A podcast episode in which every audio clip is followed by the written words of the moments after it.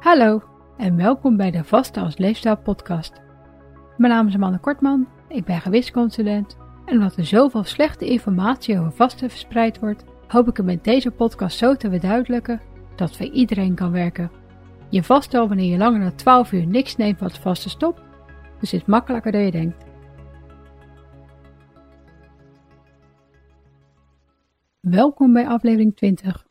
In deze aflevering bespreek ik de twee strategieën die populair zijn onder vastende dienstwerkers. De vaak afwijkende tijden van ploegendiensten kunnen vast een stuk ingewikkelder maken. En ik heb er een aanleiding van aflevering 14 al een paar vragen over gehad. In aflevering 14 bespreek ik de verschillende strategieën die je kunt gebruiken als je niet aan je vastschema kunt houden. En er zijn natuurlijk wat overeenkomsten, maar een aantal dienstwerkers lopen toch tegen problemen aan. In deze aflevering spreek ik daarom twee van de in aflevering 14 genoemde strategieën uitgebreider, zodat ook dienstwerkers van vast hun leefstijl kunnen maken. Als je in ploegendiensten werkt, is de kans op gezondheidsproblemen groter. Dit geldt vooral voor iedereen die nachtdiensten werkt. Uit onderzoek blijkt bijvoorbeeld dat ze statistisch gezien korter leven. Ze hebben ze vooral door de verstoorde nachtrust ook grotere kans op overgewicht, diabetes type 2, hart- en vaatziekten en kanker. En hebben ze sneller last van depressies en slaapstoornissen. Vasten kan de kans op al deze problemen verlagen, dus dat maakt het zeker de moeite waard om eraan te beginnen en om het vol te houden. Eraan beginnen is meestal geen probleem, maar het volhouden kan extra lastig zijn met een regelmatig wisselend werkschema. De meest gebruikte strategie is om simpelweg de lengte van je vasttijd aan te passen. Zo kan je gedurende de week, afhankelijk van je werkschema, simpelweg langer of korter vasten. Focus dan alleen op je eettijd en schuif die naar de uren die op die dag het beste werken. Misschien eet je bijvoorbeeld graag uitgebreid voordat je gaat werken, omdat je tijdens je werk geen tijd voor hebt. Of eet je juist liever uitgebreider tijdens je werk, zodat je gezellig met je collega's kunt eten. Of misschien eet je toch liever uitgebreid na je werk, zodat je tijdens je werk de extra energie uit ketonen haalt. Ze hebben allemaal hun voor- en nadelen en wat werkt is heel erg persoonlijk. Het zou natuurlijk fijn zijn als je gewoon een standaard eetritme kunt aanhouden en ergens tussen 7 uur s ochtends en s avonds kan eten. Dit werkt tenslotte voor de gemiddelde persoon. Maar als dienstwerker is de kans groot dat je die luxe niet hebt, vooral niet als je nachtdiensten draait. Per beroep en bedrijf zullen de momenten dat je kunt eten natuurlijk wisselen. Maar tijdens je werkdagen kan je eettijd als volgt indelen. Dag- en ochtenddienst zijn simpels. Dan kun je gewoon kiezen of je graag voor je werk ontbijt en op je werk luncht tijdens de eerste pauze. Of dat je luncht op je werk tijdens de lunchpauze en dan thuis dineert. Heb je een laat- of avonddienst? Dit hoeft ook je standaardritme niet in de war te gooien als je gewoon thuis luncht en dineert op je werk. Werk je nachtdiensten? Dan kan je bijvoorbeeld voor en op je werk eten. Of misschien eet je liever aan het einde van je dienst en wanneer je thuis komt. Dan heb je dus een late of juist een hele vroege eettijd. Afhankelijk van hoe je op je eten reageert, kan de ene maaltijd beter werken dan de andere. Merk je bijvoorbeeld dat je altijd slaperig wordt na je hoofdmaaltijd?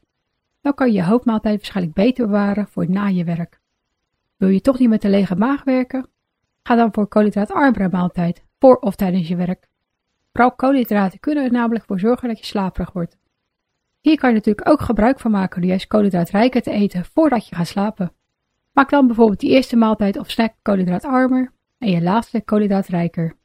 Wacht bij voorkeur wel een uur of twee met naar bed gaan, omdat veel mensen anders last van de maag krijgen. Dit geldt natuurlijk niet voor iedereen en sommigen rollen juist het liefst met een volle buik in bed in. Hoeveel koolhydraten invloed op je hebben is weer heel persoonlijk. Het is ook afhankelijk van de hoeveelheid vezels, eiwitten en vetten die je maaltijd ook bevat. Als je junkfood eet, zou je eerder moe worden dan wanneer je een goed gebalanceerde, puur gezonde maaltijd eet. En die hoeft meestal niet eens koolhydraatarm te zijn. Koolhydraatarm eten betekent over het algemeen trouwens dat je minder dan 50 gram koolhydraten per dag eet. En een maaltijd wordt vaak als koolhydraatarm gezien als die minder dan 20 gram koolhydraten bevat. Als je nu echt heel koolhydraatrijk eet, dan kan minder dan 50 gram koolhydraten per maaltijd al voldoende zijn om er niet meer slaperig van te worden. Dus probeer het gewoon uit als je er last van hebt en anders kan je altijd je vastschema nog aanpassen. Ploegendiensten in combinatie met de vormen van ADF en MADF is de tweede strategie. Het is natuurlijk niks meer dan de uitgebreidere manier van je vasttijd verkorten of verlengen. Met ADF eet je de ene dag binnen 6 tot 12 uur 2 of 3 maaltijden en de andere dag eet je niet. En met MADF eet je de andere dag één kleine maaltijd van hooguit 500 calorieën. Deze schema's herhaal je een paar keer gedurende de week en het kan erg goed werken met ploegendiensten. Luister aflevering 3 nog een keer als je de uitgebreide uitleg wil horen.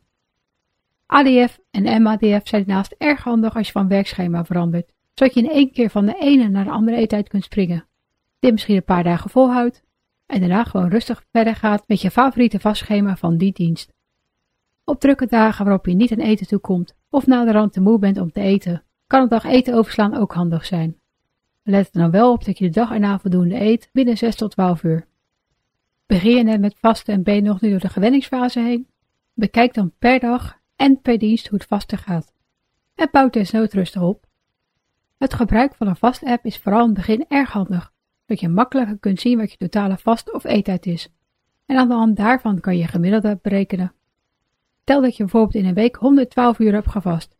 Dan is het 112 gedeeld door 7 dagen, 16 vasturen per dag.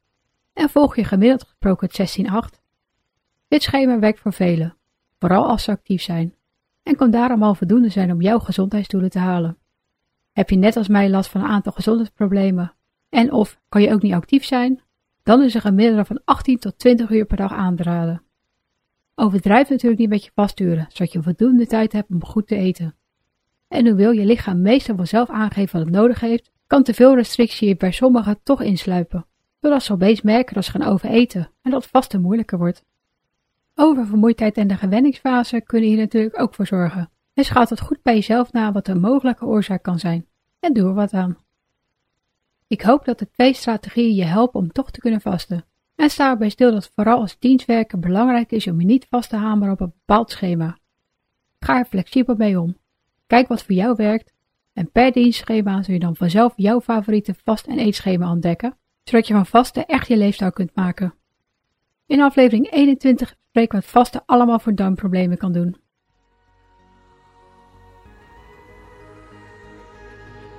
Bedankt voor het luisteren en vergeet niet dat je de onderwerpen en bronnen altijd in de omschrijving van de aflevering kunt vinden. Weet je niet zeker of sommige tips of adviezen ook voor jou geschikt zijn? Bespreek ze dan natuurlijk altijd met je arts. Heb je nog vragen of opmerkingen? Of heb je behoefte aan persoonlijke begeleiding? Kijk dan op valerien.nl voor meer informatie.